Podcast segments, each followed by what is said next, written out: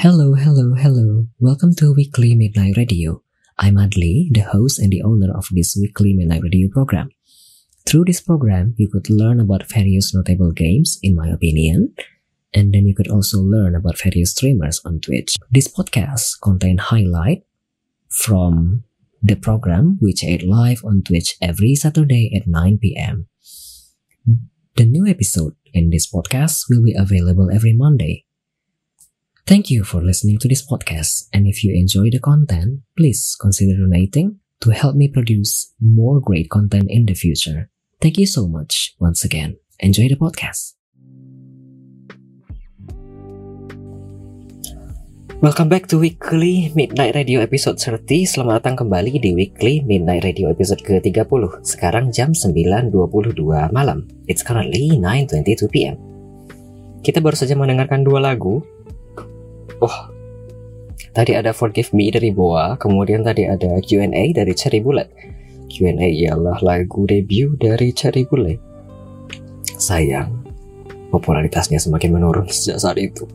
Sayang sekali. But anyway, uh, kita sekarang akan masuk ke segmen selanjutnya, yakni segmen pertama. Um, apa ini?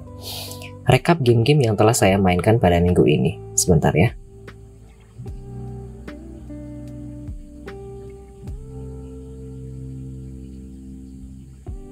So ya, kita akan masuk ke segmen pertama terlebih dahulu. Sementara itu, uh, selamat datang sekali lagi bagi para penonton dan para pendengar episode kali ini, episode ke-30. Selamat mendengarkan juga, semoga tidak ada kendala apa-apa pada episode kali ini. Kita akan masuk ke segmen pertama terlebih dahulu dan tidak banyak sebenarnya yang mau disampaikan pada rekap kali ini karena saya tidak banyak yang mau direkomendasikan pada minggu ini. Sebentar ya. Kita masuk ke segmen pertama yakni rekap game-game yang telah saya mainkan pada tanggal 8 hingga 13 Januari 2024. Pada minggu ini, seperti yang telah dicobakan dari minggu lalu, saya hanya mainkan sedikit 8 judul saja pada satu sesi, jadi waktunya cukup mencukupi, tidak terlalu tergesa-gesa rasanya. Di minggu ini saya mainkan 8 judul saja, eh bukan 25 judul saja, ada 8 judul di hari Senin dan Selasa. Ada Chess Survivors, ada Swarm Kate, ada No Creeps Were Harm, TD, ini Tower Defense. Lalu ada A Tiny Sticker Tale, ada Kue, ada Pixie Poxy, ada Nickelodeon All Star Brawl 2, ada Sea Investigators. Kemudian di sesi Selasa Rabu, saya mainkan 8 judul lagi, ada Praetor, ada We Suspect Foul Play, ada Candid Hearts, ada Bite Driver, ada Tormentis, ada Mice Guard, lalu ada Gunlock, serta Renfield Bring Your Own Blood. Terakhir pada sesi Jumat Sabtu tadi malam saya mainkan 9 judul lagi. Ada Nuke Them All, ada Paper Paul, Mobile Suit Baba, ada Milo and the Christmas Gift, kemudian ada 20 Minutes Till Down, A Highland Song, Time Melters, Necro Fugitive, serta Let Beyonds Be Bygones. Hmm, sebenarnya di antara beberapa judul ini ada yang mau direkomendasikan. Karena tidak saya masukkan video klipnya karena sebenarnya cukup menjanjikan tetapi karena gamenya cukup berat di laptop kentang saya jadi saya tidak bisa terlalu merekomendasikan. Tapi saya tetap ingin menyebutkan beberapa game yang tidak saya masukkan tadi ya. Contohnya di hari Senin itu ada game yang didevelop oleh developer yang sama dengan The Pain Creek Killings temanya detektif, judulnya Scene Investigators. Ini bagus sebenarnya, demonya bagus, uh, kira-kira satu jam kalau tidak salah, dan demonya hanya di satu area, satu tempat saja sebenarnya, satu ruangan di mana ada pembunuhan seseorang perempuan. Itu saja sebenarnya. Bagus sebenarnya, demonya bagus, lancar waktu itu dimainkan. Bisa dapat kira-kira 30-an fps secara stabil. Sayang uh, full gamenya berat tapi kontennya bagus. Jadi kalau misalnya mereka bisa mengoptimalisasi gamenya di masa depan mungkin menjanjikan. Tapi sayang tidak saya masukkan karena di laptop saya di minggu ini kentang, jadi cuma bisa dapat kira-kira belasan hingga sepuluhan FPS. Jadi tidak terlalu nyaman sebenarnya memainkan game ini, meskipun disponsori. Kemudian ada game apa lagi tadi mau disebutkan ya yang tidak masuk?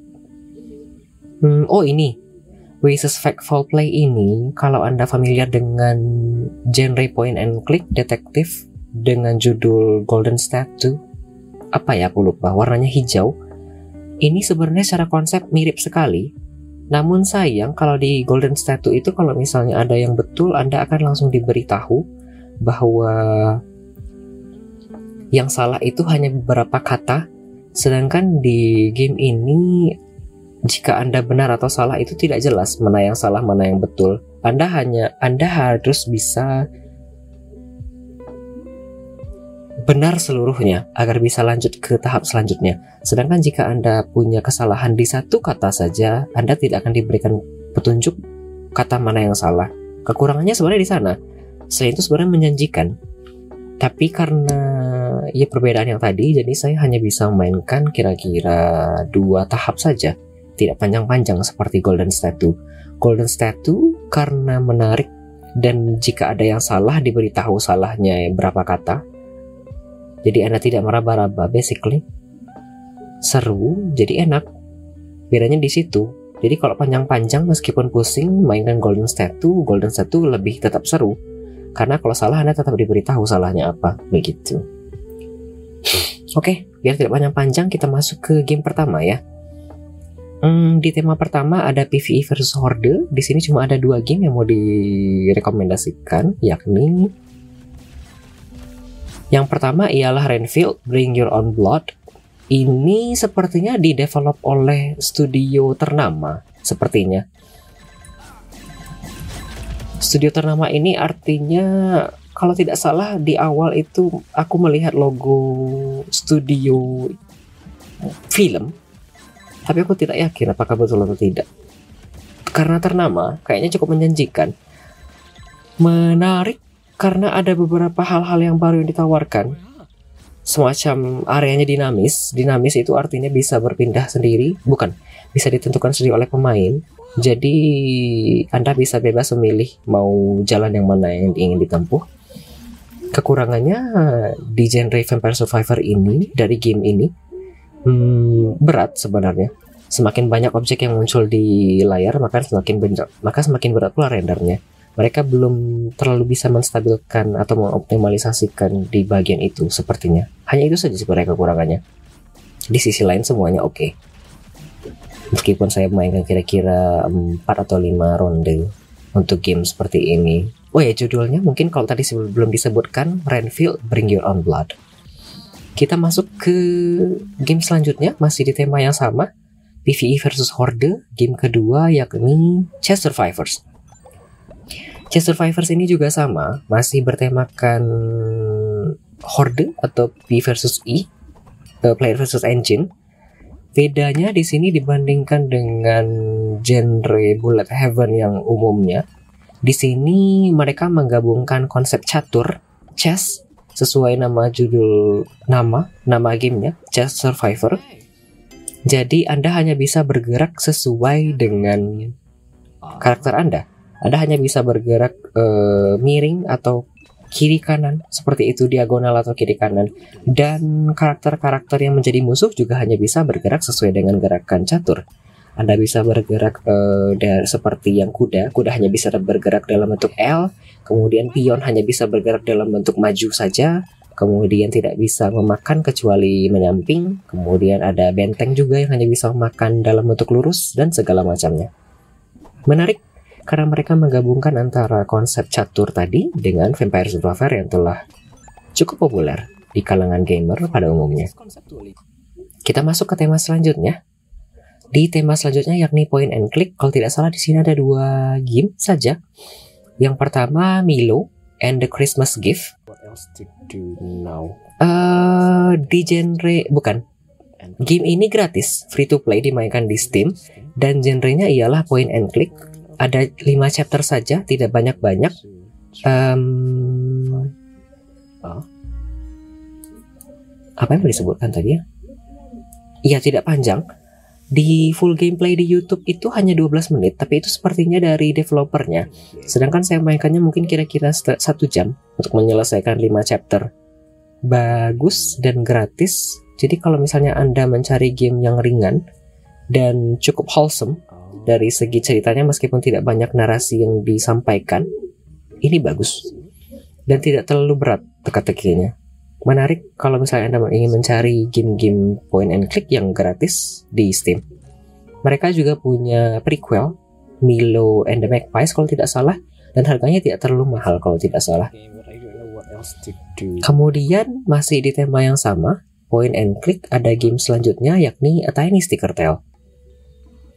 Hmm, minggu ini saya mendapatkan sponsor eh bukan di kesempatan ini saya mendapatkan sponsor dari developernya, jadi saya bisa mainkan game ini secara gratis tanpa harus membeli.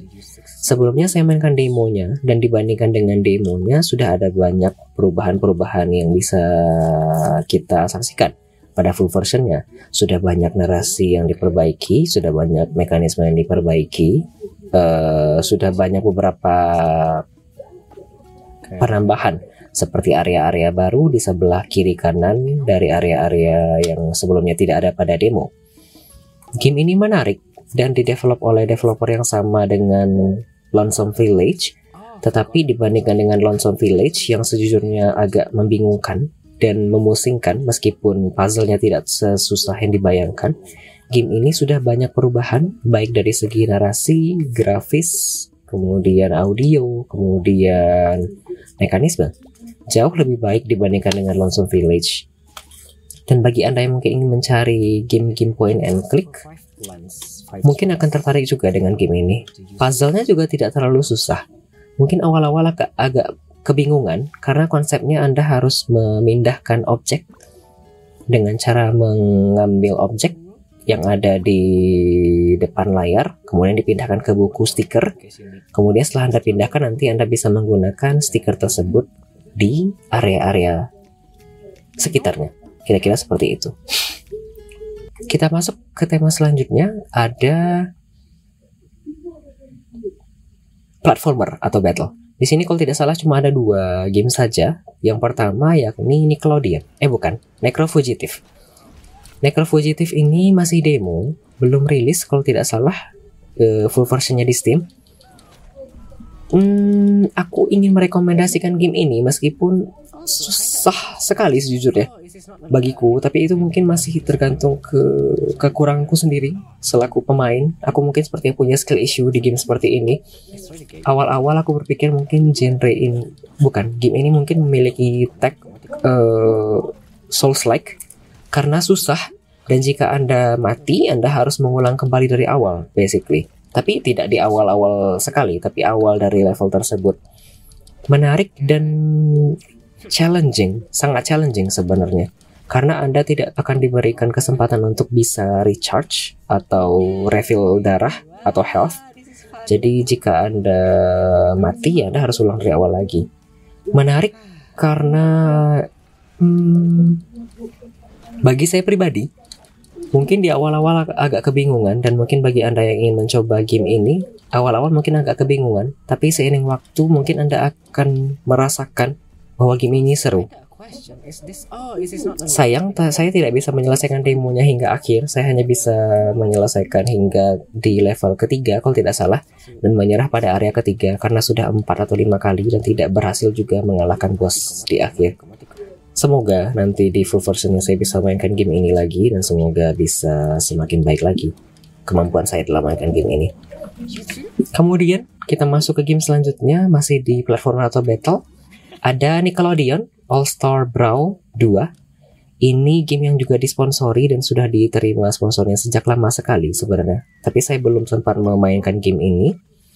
Game ini menggabungkan seluruh karakter pada universe atau dunia Nickelodeon ada SpongeBob, ada Jimmy Neutron DKK, ada Avatar, ada banyak lagi, saya lupa siapa saja. Menarik karena mereka punya banyak uh, konten sebenarnya. Bisa main sendiri dalam campaign single player atau solo, bisa main multiplayer juga dengan teman-teman, bisa main secara lokal, bisa main secara online juga uh, seru sejujurnya cuma ya kembali lagi mungkin agak skill issue di bagian platformer atau battle seperti ini semacam yang ini saya secara bodohnya justru lompat ke area yang kosong ini. Jadi kalau misalnya Anda lompat, Anda akan mati. Basically seperti itu saja konsepnya. Jadi Anda harus bisa mempertahankan diri dari serangan segala musuh yang akan menyerang Anda nanti di platform yang ada.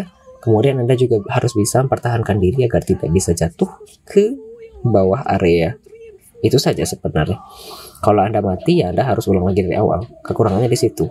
Itu saja challengingnya di situ sebenarnya konsepnya dan saya sampai sekarang karena baru memainkan baru 6 stage di single player campaignnya jadi tidak bisa menyebutkan apakah ada checkpointnya atau tidak responnya di Steam juga positif jadi mungkin bagi anda yang ingin mencari game-game battle platformer ini mungkin akan menarik perhatian plus bagi anda yang mungkin juga tertarik dengan karakter-karakter Nickelodeon ini mungkin akan menarik Sayang mungkin harganya mungkin tergolong mahal untuk saat ini. Mungkin bisa di, dibeli pada saat diskon agar miss agar tidak merasa terlalu mahal untuk membeli game seperti ini. Kita masuk ke genre terakhir, yakni naratif atau rhythm. Di genre ini hanya ada satu game saja yang saya mainkan tadi malam, yakni A Highland Song. Okay. Ini bagus, didevelop oleh Inkle A Highland Song ini menggabungkan konsep eksplorasi, adventure, um, dan rhythm game sebenarnya. Anda memainkan peran sebagai seorang anak ini, namanya siapa ya? Moira? Iya, Moira. Moira ini bertempat tinggal di satu daerah terpencil sekali dan itu hanya ada satu penduduk saja ia dengan eh bukan satu rumah saja sepertinya hanya ada ia Moira dengan ibunya Kemudian Moira satu ketika dikirimkan surat oleh pamannya dan Moira kemudian bertekad untuk mengeksplorasi dan menjelajahi area tersebut. Mendaki bukit dari tempat tempat terpencilnya menuju ke pelabuhan atau ke kota di mana pamannya bertempat tinggal. Itu membutuhkan kira-kira tujuh hari dan seru sejujurnya memainkan peran sebagai seorang anak seperti ini. Seru karena Anda akan disuguhkan dengan pemandangan bukit-bukit yang cantik sekali sepanjang permainan. Musiknya juga bagus, narasinya bagus. Meskipun mereka menggunakan aksen British Scouse sepertinya. Karena susah dimengerti, tapi ya British-British yang bagian atas sana memang seperti itu kental logatnya. Menarik dan saya tidak akan menyesal untuk menyarankan satu game ini. Itu saja, tidak ada lagi yang mau disampaikan di rekap-rekap kali ini. Sudah habis. Yay! Thank you so much. Terima kasih banyak telah mendengarkan cuap-cuap saya selama kira-kira 20-an menit sepertinya karena tidak banyak yang saya sampaikan pada rekap kali ini. Oke, okay. Kita cek-cek sebentar ya kolom chat room. Ada Mas Kun yang absen, kemudian ada Oh, kok tidak jalan? Oh, baru jalan. Tadi ada Azero Gaming juga yang request lagu SNSD Hood dan akan kita putarkan nanti di setelah segmen ini, yakni sebelum masuk ke segmen kedua. Bincang-bicara minta tamu kita pada malam hari ini, it's kayak ya. Wah, saya lapar sejujurnya.